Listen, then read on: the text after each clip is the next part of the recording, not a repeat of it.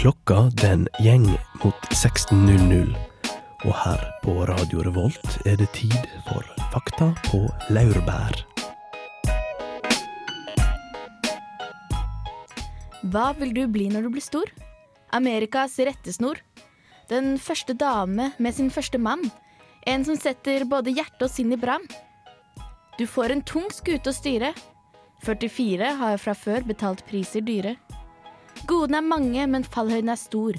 Du må lytte øret for hver mann og bror. Vil din kjepphest være helse eller våpen? Vil din fiende være Arabia eller kreftgåten? Veien er staket til Det hvite hus. Du må avgjøre om din arv skal være gull eller grus. Velkommen til Fakta på laurbær. Vi skal i dag prate om amerikanske presidenter. Jeg heter Ragnhild Skaugen og skal være programleder i dag. Med meg har jeg som alltid de søte, små, herlige jentene i Fakta på Lærberg Vi har Susanna. Hei, hei. Solveig. Hallo. Og Astrid. Hei! Vi skal videre i sendingen med Radio Moscow.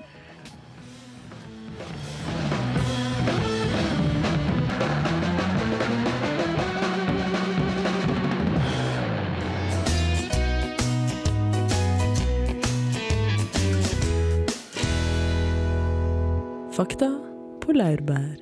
Der hørte du Radio Moscow med 'Summer of 1942'. Nå skal vi snart eh, presentere en liten sang jeg har laget om eh, alle de amerikanske presidentene. Oi! Den er ganske snasen. Veldig nyttig for de fleste, tror jeg. Ja. Hvis jeg skal snakke for meg sjøl, så tror jeg ikke jeg kan eh, nevne mange presidenter bakover i riktig rekkefølge. Helt enig. Jeg Nei. har jo også tatt en liten oppfriskning der. Ja, jeg kan det, men jeg vil jo ikke skryte. Så. Nei, jeg håper jo at etter å ha hørt låta, så vil man eh, må kanskje høre den kanskje 20 ganger da, før man skal klare å Før få det rekkefølge. Ja. Men jeg syns jo vi som nordmenn egentlig burde kunne rekkefølgen på alle statsministrene også.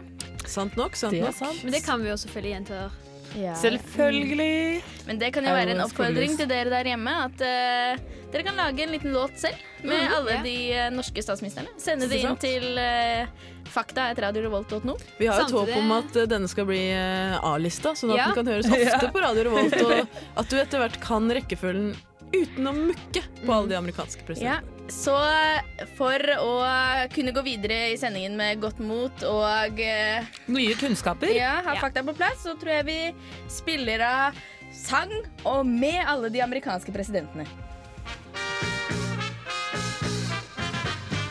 George Washington var første mann. Var første mann i dette verk. John Adams var nummer to. Og Jefferson var nummer tre. James Madison og James Monroe. John Quincy Adams og Andrew Jackson blir fulgt opp av Martin van Buren. En demokrat av første rang. William S. Harrison i 41.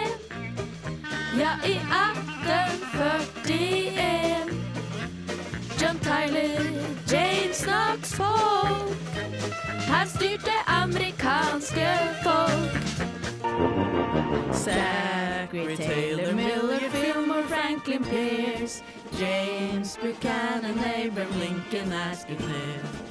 Andrew Johnson, han tar ordet og får cred fullt opp av Ulysses Grant. We can. Rutherford B. Hayes, James Garfield, Chester Arthur, Grover Cleveland, Benjamin Harrison, oh, og Bill McKinley. Theodore Roosevelt, William Taft og Woodrow Wilson. Vi er i nyere tid. And so, my fellow Americans, ask not what your country can do for you. Ask what you can do for your country. I know the human being and fish can coexist peacefully. Warren G. Hardin og Calvin Coolidge. Herbert Hoover, Franklin D. Roosevelt. Nå ender krigen, for der står Truman. Gjør livet surt for japser fjern og nær.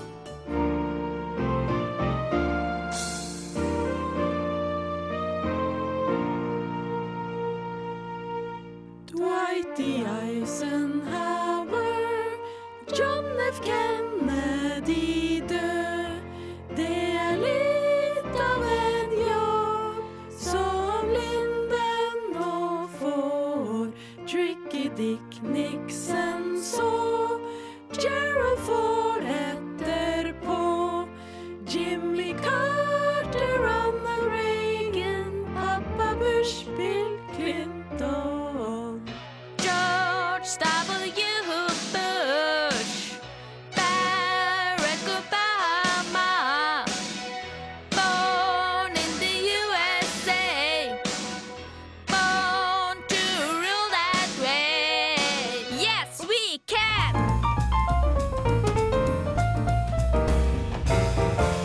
Fakta på laurbær.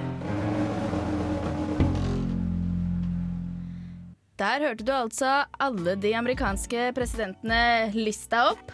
På rekke og rad, som perler på en snor. Som perler på en snor. Jeg Sitter som en kule.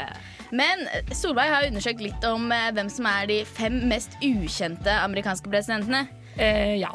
Eller altså, jeg tok fem av de jeg visste minst om. Da jeg leste denne listen, eh, som du sikkert har brukt, så tenkte jeg her er det flere jeg ikke vet navnet på eller ikke har hørt om, enn de jeg faktisk har hørt om. Men er det en positiv eller en negativ ting? Betyr det at du har klart å unngå de verste whoops drit ut, eller betyr det at sånn, du har ikke gjort noe gøy? Altså, jeg vet ikke, jeg. Eh, som jeg sier i den saken her, jeg har litt teflonhjerne. Jeg fikk tre i historie på videregående, så jeg veit faktisk ikke, jeg. Jeg tror jeg bare jeg biter meg fast i kjendiser. Men jeg tenkte, før vi hører på Solveig sin sak, så kan vi jo ta en runde. Har vi en favorittpresident? Det er jo nyttig å få med seg. Ja, Lincoln, så gøy å bli skutt av en knapp. Bare yeah! Ok, Astrid Lincoln, han blir skutt av en knapp. Nei, han blir ikke skutt av en knapp, men eh, men vi han ble jo skutt i, i teatret. Og det er kjipt, egentlig, fordi han hadde en knapp som kunne avverge greia. Men så var det ikke det. Han daua. Men det er uansett gøy med sånn derre Oi, la oss oppheve Ja, var sånn at slavedrift og sånn. Okay, Han hadde på en måte altså, den klassiske Oi, man har en bibel foran hjertet, Ja, Bibelen redda meg, men sånn han kunne hatt en knapp, Ja, den sneia knappen, og han daua. Ok, Det er trist. Men din favoritt, hva med deg, Susanna? Har du en favoritt? Det er jo litt klisjé, men man, jeg, jeg liker jo litt John F. Kennedy, må jeg si. Men uh, samtidig så Det at man nå på en måte liker Obama så godt, det er det jo veldig mange som gjør. Det kommer jo kanskje litt av kontrasten mot Bush, da, tenker jeg. Så jeg liker jo Obama også. Men med betenkeligheter. Ja, men eh, John F. Kennedy var jo litt av en jentefut. da. Er det ålreit å oppføre seg sånn, da? Ja, det er mange presidenter som driver med det. Ja, kan si meg helt enig i det. Eh, Jeg, jeg for min del så tenker jeg liksom Men altså tross alt, da. John F. Kennedy holdt seg til slutt til Jackie, gjorde han ikke det? Det er liksom min lille eventyrhistorie. Ja, det har du helt rett i. Han rakk ikke å eh, jage så mye rundt, så han er liksom den reneste kanskje av de. Han rakk bare ikke å jage til jentene. Nei, Men jeg, jeg tenker at uh, amerikanske presidenter for min del, det er et av flere ondere. Det er ingen som er bra, men uh, det er liksom Det er den som er minst dårlig. Jeg liker Obama fordi han, han er sånn helt grei.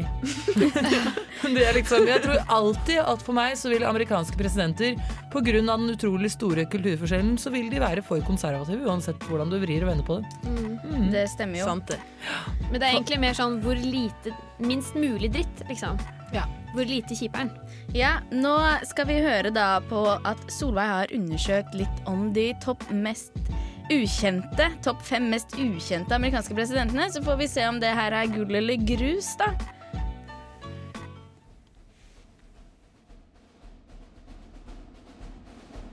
Vi kjenner alle til navn som Abraham Lincoln, Franklin D. Roosevelt, Barack Obama og, beklagelig nok, George Bush. De føyer seg alle inn i rekken av amerikanske presidenter, og vi vet hvem de er. Men hva med dem som ikke er like kjente for oss? De ble kanskje nevnt kort i historietimen, men biter ikke på min teflonhjerne. Jeg vil nå, i tilfeldig rekkefølge, fortelle deg litt om fem av USAs presidenter som for meg er helt ukjente. Nummer én. James Monroe, republikansk president fra 1817 til 1825. Han var fra Virginia, der han også tok sin utdanning. Han utarbeidet Monroe-doktrinen, en doktrine som sier at Amerika bør slippe framtidig europeisk kolonisering, og at selvstendige amerikanske land bør slippe europeisk innblanding i innenrikssaker. Doktrinen ble innført i 1823. Nummer to. Martin van Buren, demokratenes president fra 1837 til 1841. Den første uten engelsk bakgrunn, og den hittil eneste presidenten som ikke hadde engelsk som morsmål. Van Buren ble født utenfor New York og var sønn av en populær vertshuseier. Før han ble president, drev han en vellykket advokatpraksis som gjorde han eh, økonomisk uavhengig og i stand til å dyrke sin politiske karriere. Nummer tre. Rutherford Hayes var republikansk president fra 1877 til 1881. Han hadde rykte på seg for å være ærlig og hederlig, og ble valgt til president etter Ulysses S. Grant, hvis administrasjon var preget av både skandaler og korrupsjon.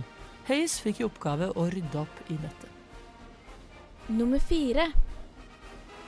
Andrew Johnson var demokratenes visepresident under Lincoln og overtok jobben som president etter hans død. Han kom fra harde kår og lærte seg selv å skrive og lese da han ikke gikk på skolen. Som president hadde Johnson ansvaret for oppbyggingen og samlingen av USA etter borgerkrigen. Nummer fem. William Henry Harrison var president fra det forhenværende partiet Whig og den niende amerikanske presidenten. Han fikk imidlertid kun sitte én kort måned, da han døde av lungebetennelse. Den pådro han seg under den to timer lange talen han holdt under presidentinnsettelsen, i bare skjorteermene. Det skal han ha gjort for å bekrefte sitt ry som en hardhaus. Hovmod står for fall. Der hørte vi Solveig gjøre fem ukjente presidenter veldig kjente. Her får dere Melvins med Black Betty, og dere hører på Fakta på laurbær på Radio Revolt.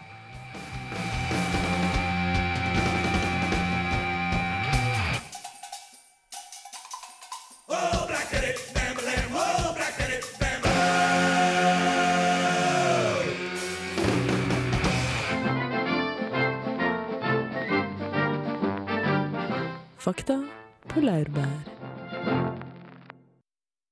Du hører på Fakta på laurbær. Vi prater om amerikanske presidenter. Vi fikk nettopp høre Solveig prate om noen ukjente amerikanske presidenter. Men når det kommer til det politiske systemet i Amerika, er det mer som er ukjent. Og derfor har vi med oss Egil her i studio. Han har sett alle episodene av The West Wing og er en ekspert på hvordan det amerikanske systemet fungerer.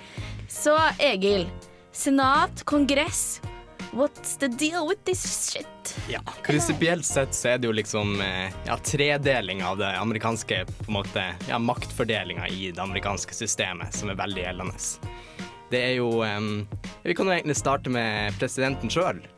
Han er jo um, Han blir jo valgt på ikke på en måte på direkte valg, men på bakgrunn av et sånn electoral college. På, man stemmer på representanter som kommer til å stemme på den personen som ja, man liker som president. Aha. Og det gjør at um, Eller det her systemet funker på en sånn winner takes it all-system når det gjelder delstatene. Så hver eneste delstat blir på en måte enten republikansk eller demokratisk. Um, og så er det møtes da det Electoral College og stemmer på nytt. Og så er det ja, vinneren eh, av den avstemninga. Det er den som blir president. OK. Men vi kan jo si litt om, om makta til presidenten. For eh, folk, folk tenker jo ofte at presidenten i USA han er verdens eh, mektigste mann og bestemmer egentlig alt. Men formelt sett så har egentlig ikke presidenten noe annen makt enn å skrive under eller vedta lover. Og å eh, oppnevne ja, representanter for regjeringa. Så, så det er ikke presidenten som bestemmer budsjettet eller ja, sånne ting. Han bare har muligheten til å ja, vetoe og gi forslag og sånn. Er han litt sånn som borgermesteren i Oslo, da? Eller ordføreren, ikke borgermester, det ble sånn Andeby- Andebyverv. Ja, litt mer makt har han nok enn det, da. Eh, For selv om han har lite formell makt, så har, han, så har den praktiske makta hans økt veldig mye de siste par hundre årene. Ja, for jeg har også sett litt på The West Wing, og da skjer det jo ofte at presidenten sier 'vi går inn i det landet', eller 'vi går ikke inn i det landet'. Og det er jo en ganske avgjørende makt, da, om du skal ha militær inngrepen i et land eller ikke. Så det kan presidenten bestemme uten å egentlig ha støtte noen steder. Helt sant, han er commander in chief, men eh, han må også få Kongressen sin, eh, sin eh, godkjenning for å faktisk deklarere krig. Okay. Men det gjør man jo ikke i det siste. Det har man jo slutta å gjøre. Nei, krig da, og ikke krig. da veldig. kommer vi jo til, eh, over til Kongressen. Og det er jo em, Kongressen er jo på en måte delt i to i USA. Det er eh, Representantenes hus og Senatet. Senatet er to eh, medlemmer for hver eneste delstat, og de har makt over eh, ja, over lovgivning, og de har makt over å kunne Ja, de kan også vedta veto oppnevninger, mens, mens Representantenes hus de kan si nei til alle budsjetter og sånn. Dette er veldig spennende, Engel. Så mye man lærer på The West Wing, altså. Jeg tror jeg må begynne å se på det. Man gjør det. Og så um, Det som er interessant, er at uh, alltid i den amerikanske Eller på en måte i de siste 50 årene så har det vært en av de her tre institusjonene har vært kontrollert av den andre parten. Så det er aldri sånn at eh, demokratene har all makt, eller republikanerne har all makt. For eksempel nå så er det jo en eh, republikansk eh, ja, representantenes hus, mens senatet er kontrollert av demokratene. Veldig interessant.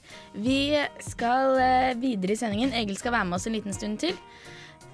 Men eh, vi skal ha fleip eller fakta. Da kan vi jo benytte oss litt av denne kunnskapen, håper jeg. Hvis ikke fleip og faktaen er helt far out there.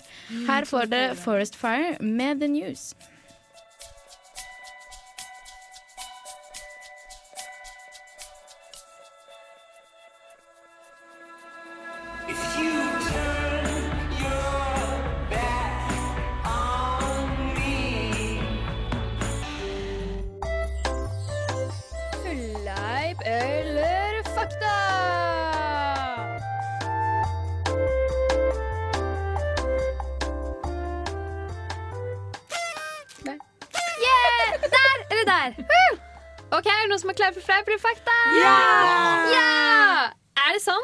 George Washington er den eneste amerikanske presidenten hvis bursdag er en lovlig høytidsdag i alle amerikanske delstater? Men ble det det fordi han hadde bursdag, eller var det helt tilfeldig?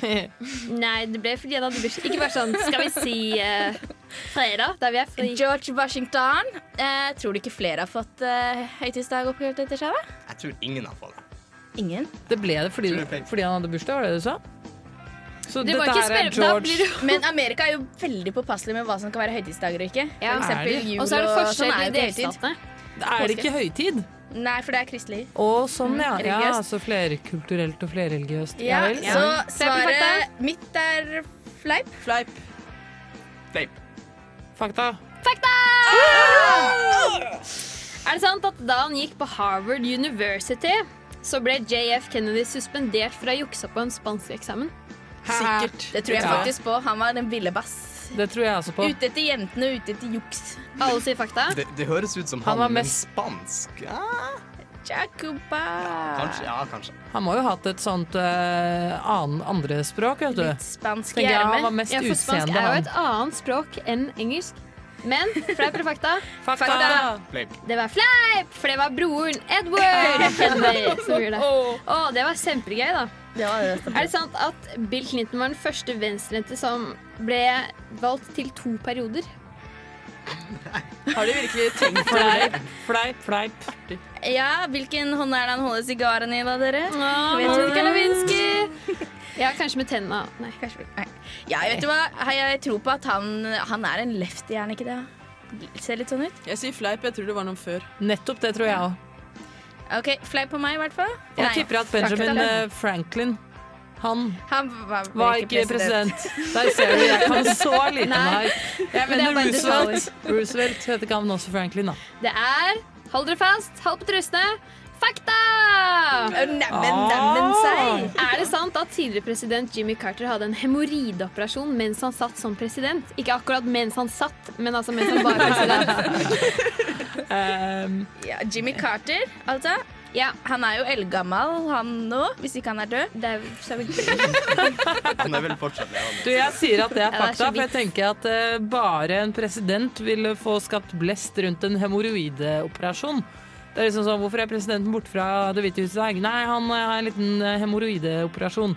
Ja. Det er ikke sånn at du går ut med en pressemelding om, eh, om han etter at han har gått av med pensjon. vet du. Ja, Carter opererer bort hemoroider i dag. Men Carter har jo det hatt blest rundt seg lenger, for han har jo vunnet fredsprisen, så kanskje det var en pressemelding etter det. Han kunne ikke komme på utdelingen, vet du.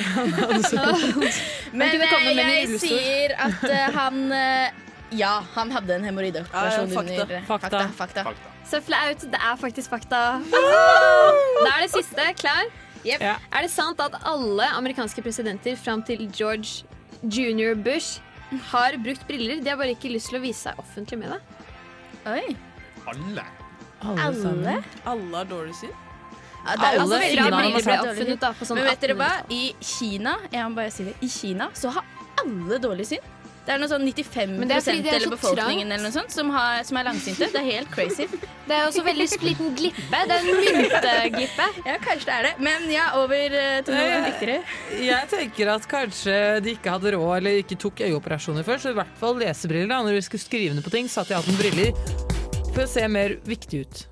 Det var sant! Oi, du, du. For en gjeng med skrøplinger. Ja, æsj, de horer. Vi hører på 120 Days med Osaka her på Fakta på Laurbær.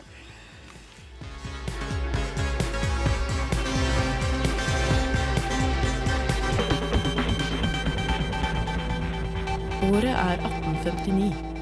Det skal velges en ny president i USA om ikke mange år, og debattene mellom Abraham Lincoln og Stephen A. Douglas er i gang. Stemningen er amper. Slaveriets fremtid skal avgjøres. Folk er usikre på hva de skal stemme, og møter opp på debatter for å høre hva de to kandidatene har å si. Det er her, i debattarenaen, presidentkandidatene får møte velgerne sine. Og ofte møter over 100 000 mennesker opp på en debatt. Det finnes ingen mikrofon, så de to presidentkandidatene roper budskapet sitt utover folkemengden. Den fremførte talen er nesten like komplisert som deres skrevne taler. Setningene er lange, vanskelig å få med seg, og det appelleres til fornuften.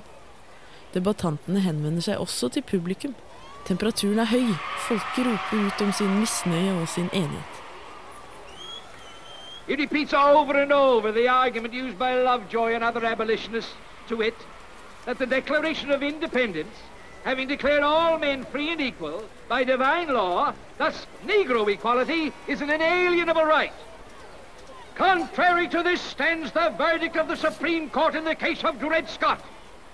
Now, you've heard the judge make allusion to those who advocate voting and eating and marrying and sleeping with Negroes. Whether he meant me specifically, I do not know. If he did, I can only say that just because I do not want a colored woman for a slave, I do not necessarily want her for a wife. I do not need to have her for either. I can just leave her alone. In some respects, she is certainly not my equal any more than I am the judge's equal in uh, some respects. But in her natural right to eat the bread she earns with her own hands without asking leave of somebody else, she is my equal and the equal of all others. Det endte med at Lincoln ble president i 1861.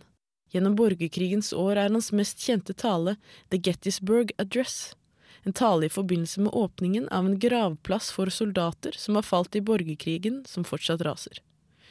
Talen høres ikke særlig imponerende ut, den varer kun i ett og et halvt minutt og fremføres uten større innlevelse. Mottagelsen er lunken. Det er ikke før senere at folk innser at denne talen er en av de beste som noen gang er skrevet, at den er av historisk format. Hvorfor slo ikke talen an i folkemengden? Var Lincolns tale og hans monotone fremføring ikke tilpasset den slags arena? Muligens var Lincoln forut for sin tid, slik at denne talen ville ha passet best i massekommunikasjonsmedier som TV og radio. Nøyaktig 100 år senere sto presidentdebatten mellom John F. Kennedy og Richard Nixon. Denne debatten fortonte seg ganske så annerledes enn den forrige. Mikrofonen og TV-apparatet hadde nemlig gjort sitt inntog, og dette skulle vise seg å endre på hvilke retoriske hjelpemidler som fanget lytteren. Nå kunne man ikke lenger rope til folkemassene, man måtte opptre rolig og kontrollert. Kennedy behersket denne situasjonen. Han forsto at han måtte tale som om han talte direkte til hvert enkelt menneske som satt hjemme i stuen og så på. Han fremsto rolig og behersket, og han talte direkte til deg. In the election of 1860, Abraham Lincoln said the question was whether this nation could exist half slave or half free. In the election of 1960, and with the world around us, the question is whether the world will exist half slave or half free, whether it will move in the direction of freedom, in the direction of the road that we are taking, or whether it will move in the direction of slavery. TV-apparatet gjorde at kroppsspråk kunne gå på bekostning av verbalspråk, og oppførsel og utseende på bekostning av saken. Mange reagerte på dette. Skulle det virkelig være slik? Nixons tap i valget i 1961 kan delvis skyldes hans mindre beherskede fremtoning på TV-skjermen. Han mestret ikke overgangen til dette mer personlige mediet like godt som Kennedy. Han nektet å ha på seg sminke, haltet på grunn av sitt skadde ben, svettet og så ellers ukomfortabel ut på skjermen.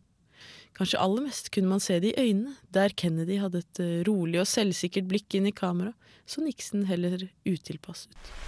There is no question but that this nation cannot stand still because we are in a deadly competition. A competition not only with the men in the Kremlin, but the men in Peking. We're ahead in this competition, as Senator Kennedy, I think, has implied. But when you're in a race, the only way to stay ahead is to move ahead.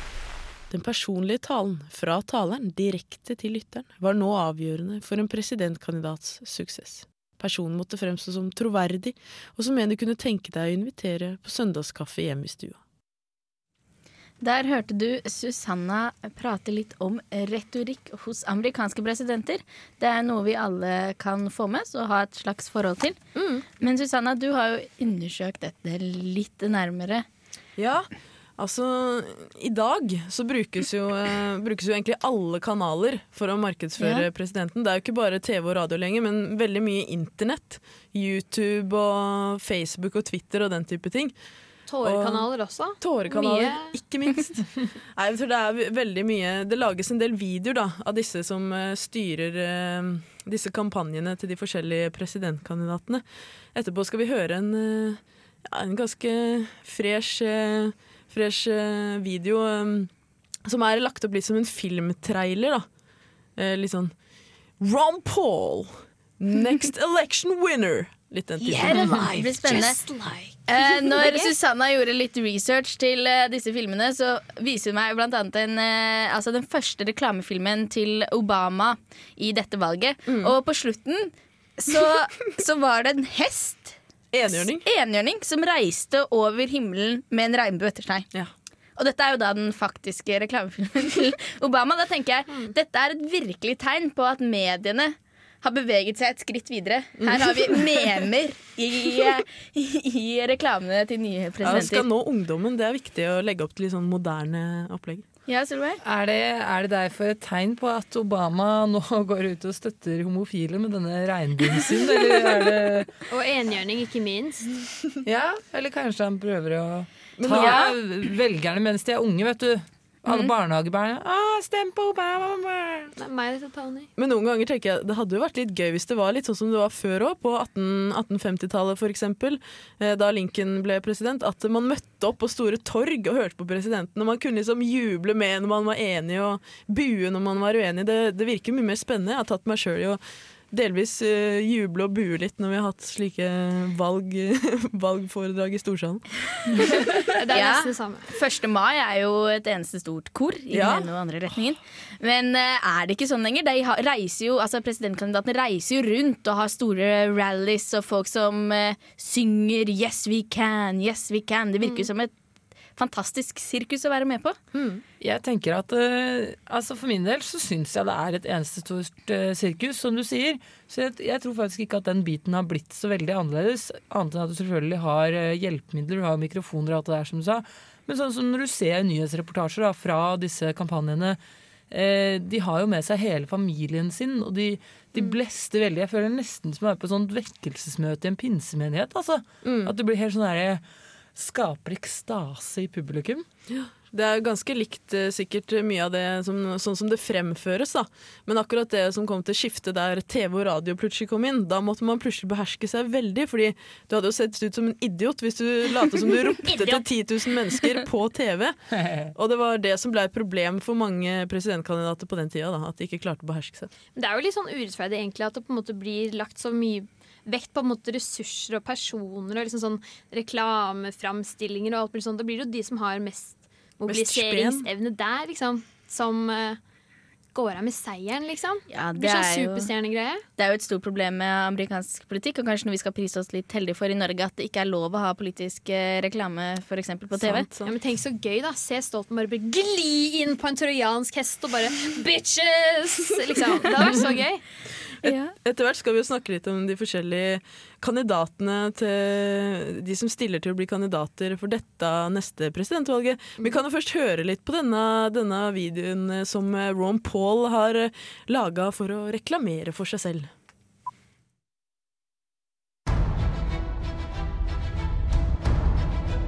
In the 80s, they did it to Reagan. A debt ceiling compromise. Democrats promising spending cuts, but delivering only tax hikes. The 90s brought more compromises, more broken promises, and more new taxes. This August, the next chapter will be written. A defining moment. 14 trillion in debt, millions unemployed, the dollar in decline. We know where they stand. But will our party's leaders repeat the mistakes of the past? Will they choose compromise or conviction? One candidate has always been true. Ron Paul cut spending, balance the budget, no deals. Standing up to the Washington machine, guided by principle. Restore America now. I'm Ron Paul, and I approve this message. Ja, dette var jo herlig. Altså, hvis jeg hadde sett Jens Stoltenberg i en slik setting, eller Erna Solberg for den saks skyld, det hadde vært Siv eh, fantastisk. Siv Jensen er ikke så rart. Nei. Det kunne jeg godt, Det kunne jeg godt. Jeg forestilt meg. Hun sklir rett inn. Og hun har samme sånn mørke bestefarstemme også sånn Ja! Tenker, passer jo jævlig bra. Hun kan lese sin egen. Litt sånn raspende og Ja. Jeg følte jeg var på kino jeg nå. Ja, det var jo det. Veldig dramatisk. Altså nå, Dette var jo traileren på de fire neste årene av vårt liv. Mm, det var det. Fikk dere lyst til å se filmen, dere? Skeptisk. Ja, Med mindre vi får heroide Nei, heroide. hemoroideanfall. Da dauer vi jo med en gang, så da kanskje håpe på det. Ja, det er ikke dødelig, altså. Vi skal ikke drive Men med han, det. eh, han Ron Paul eh, Han ligger ikke så veldig godt an i dette valget om å bli republikanernes kandidat, det skal sies. ja. Men, men så kleint å ha laga den videoen der, og så bare daler du på meningsmålingene, eller du kanskje får ikke noe sånn veldig oppslutning, da. Dette er vel den samme mannen som også har uh, fått uh, pene unge jenter til å stille opp og si at jeg støtter Lage en sang og støtte Ja da, han fikk, får folk til å synge for han, lage sanger til han eh, hvor de hyller Ron Paul og I'm a Ron Paul girl. Sånn eh, kjenner sangen. Rip off Obama girl, bare he, bare at jeg må Han, betale dem. han eier ikke skam, vet du. Han er skjørtejeger med god samvittighet. Nå er det jo faktisk akkurat et år, eller 362 Tre? Ja, tre. Tre blir det. Tre dager til valget. Mm. De må jo ja, få ræva i gir, altså. Ja, de har to kandidatene som ligger øverst for republikanerne nå, er Mitt Romney. Eh, han har Romney? tidligere vært eh, guvernør i Massachusetts. Massachusetts. -hmm. Og støtter blant annet Tea Party-bevegelsen. Det, det Uff gjør han. meg. Det gjør han, ja. Det, det liker vi jo ikke. Og så er det Herman Kane, ligger helt likt, omtrent, eh, som er en bis mer businessman. Da han mener Amerika bør eh, ledes som en eh, bedrift. Ja, Herman Kane er jo den samme eh, kandidaten som før var CEO i Godfather Pizza. Stemmer. Og jeg syns at det var litt artig at det var det som kom på en måte høyest opp på CV-en, da, når de liksom skulle lage et lite utdrag av hva slags person det var. Det er det viktigste å trekke fram. Ja, men kanskje, kanskje det bare viser at han, han er jordnær, han er folkelig, ikke sant? Har drevet en pizzakjede, ikke noe sånn veldig oppsen. Fra arbeiderklassen. Ja, fra arbeiderklassen, fra gulvet. En Ja, av gutta på men du nevnte jo at, uh, at eh, han hadde en del seksualanklager over seg. Og det er jo typisk uh, folk flest og gutta på gulvet og det joviale partiet her hjemme, det å ha seksualanklager over seg. Men det er jo litt viktig også, på en måte. Det, jeg tror det folkelige aspektet er veldig mye sånn Som Sarah Pelling først går fram og bare hyller moral, så bare Bæ, 'Datteren min er incestgravid av en eller annen gris'. Liksom sånn. Det må ha det folkelige aspektet, ikke bare ha på toppen. ikke sant? Ja, Vi gleder oss til å finne ut hvem som skal være Amerikas neste president. Vi må jo faktisk vente et helt år til. Dere trenger ikke å vente lenge på neste låt. Det er Sec Marquis med 'Static Lovers'.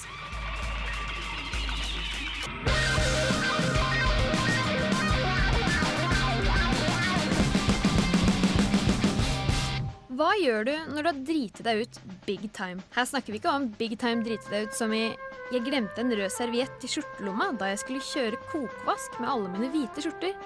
Men heftig, grusomme bloopers med hele verden som øyevitner, og med konsekvenser som brer seg utover alle verdenshjørner. Du har to valg. Du kan A. Sucker up, be a man, legg deg flat og innrømme absolutt alt. Eller B. Lyve. Live så det renner. Live så det fosser og tunga faller av. Er du president i mulighetenes land, så velger du kanskje, til tross for risikoen for å bli avslørt, det siste. Du benekter alt og håper på det beste. La oss se på tre av de største skandalene amerikanske presidenter har stått bak roret ved. Nummer én Watergate-skandalen. Watergate-skandalen er USAs desidert største politiske skandale. Watergate-skandalen er USAs desidert største politiske skandale. Den fant sted mellom 1972 og 1975 og startet da fem menn ble arrestert under et innbrudd i Demokratenes hovedkvarter i Watergate-bygningen i Washington DC. Det viste at de fem mennene hadde forbindelser til både CIA og den republikanske organisasjonen Komiteen for gjenvelgelse av presidenten. President Nixon, altså.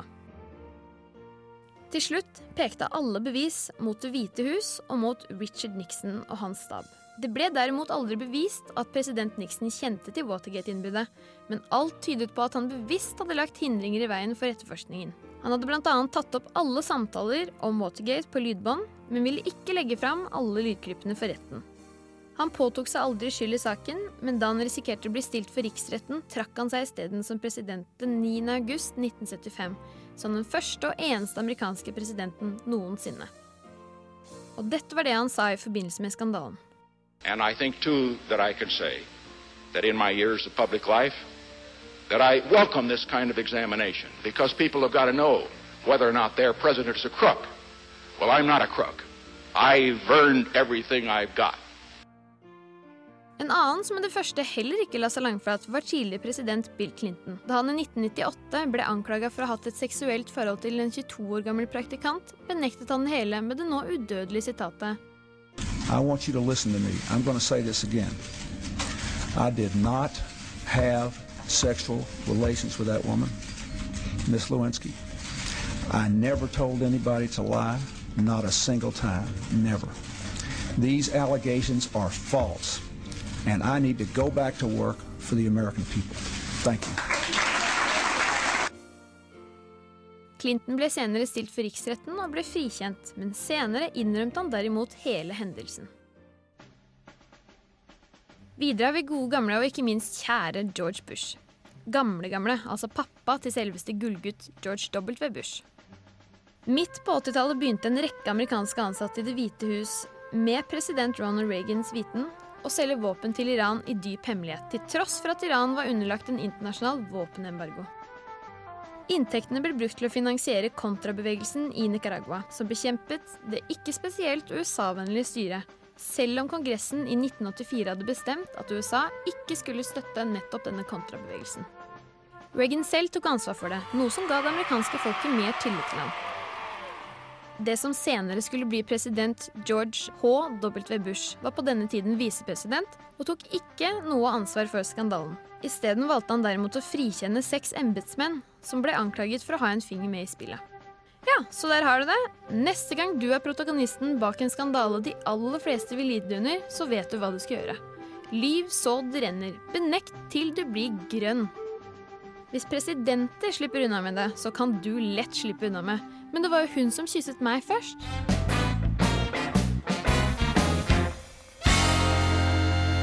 Fakta på laurbær. Dette er jo et fenomen velkjent blant eh, presidenter og fotballspillere. Og Frp. Og Frp-ere og i det hele tatt. Det er mye løgner på gang. Så rart at det er sånn at de, at de tror på uh, unnskyldningen deres på en måte nesten uansett hvor sannsynlig det er at de har gjort det. Altså Selv om Ja. de vet at han har gjort det, så bare han sier han ikke gjorde det, da må vi tro på det. Yeah. Det er litt sånn som når du tar flyet til USA, så står det sånn kryssa 'Jeg skal ikke utføre terrorhandlinger'. Mm. Og hvis du da gjør det 'Du sa du ikke skulle gjøre det!' Du er ikke ærlig! Må holde deg til ditt ord. Nei, men Jeg, jeg syns du hadde et godt poeng på slutten, Astrid. For det var sånn, Lyve, ja. ja. Det er godt ja, poeng. men jeg mener sånn der, Ja, det var jo hun som kysset meg først. Eller i det hele tatt sånn Altså, Det var det han fotballspillere og presidenter, som du var inne på begynnelsen her, jeg tenker de, de, er, de er like utsatt, tydeligvis, for å være utro. For de gjør det, alle sammen. Og nå står jo USA Eller han er litt sånn Han har dalt på meningsmålene etter at han godeste Nå må jeg faktisk se på arket mitt. Grøtleif. Kane. Kane, Kane. Den eneste svarte kandidaten måtte selvfølgelig være en gris. Han er altså eh, anklaget Obama for har klart seg fint, da. Kanskje. ja, ja, Obama han vet vi ikke så mye om ennå, men eh, Kane har altså blitt anklaget for fire tilfeller av seksuell, eh, seksuell trakassering. Og det siste her ser ut til å kanskje felle han litt, fordi det her skjedde allerede i 1997. Og hun som ble utsatt for det, hun fortalte da det til kjæresten og en venn. Og de har da sagt under ed at ja, det var sant, hun fortalte det til oss da, ikke sant. Så det er ikke noe hun bare har kommet med nå, sånn etter at han ble kjent og sånn. Men vi har liksom hørt så veldig mye om det. Strauss-Kahn, alt mulig. Er det noe med at jo mer makt, jo mer uh, bias-oppførsel er tillatt? Nå må jeg bare benytte meg av alle ressurser liksom, fordi du har tilgang. Det må jo være det. Ja, og så er det jo Altså, jeg tror det er gjennomført noen del undersøkelser som viser at kvinner faktisk blir tiltrukket av makt. Mm. At uh, vi er såpass eh, tilbøyelige, men det går kanskje andre veien òg. Eller på den annen side. Nei, ja. Ja, på, I statistikkboka mi, et fag jeg tar nå, så var, Ja. hadde jeg en oppgave på forrige øving som var et eh, eh, byrå under, øh, hadde en undersøkelse om hvor mange som hadde lyst til å gjøre det med ekspresident Clinton hvis de ble lovet full diskresjon. De spurte 1600 kvinner, og 349 svarte ja. Lag et konfidensintervall. Hva ville dere gjort? Tygg litt på den, da. Hva ville dere gjort? Nå stemmer vi. Tror jeg sier nei, faktisk. Nei, jeg liker ikke sånn Southern people. Ikke jeg heller. Han har litt liten nese. Ja, han er stygg. Men de er jo stygge. Det må være maktgreia. Ja. Ja, det må Trygg på være dem. makt. Vi får la det være ja, lære være siste ord. Vi skal høre på litt Tigre med Deceptation. Deceptation. Og det er jo klassisk jentepower-musikk, så da får vi høre på det. See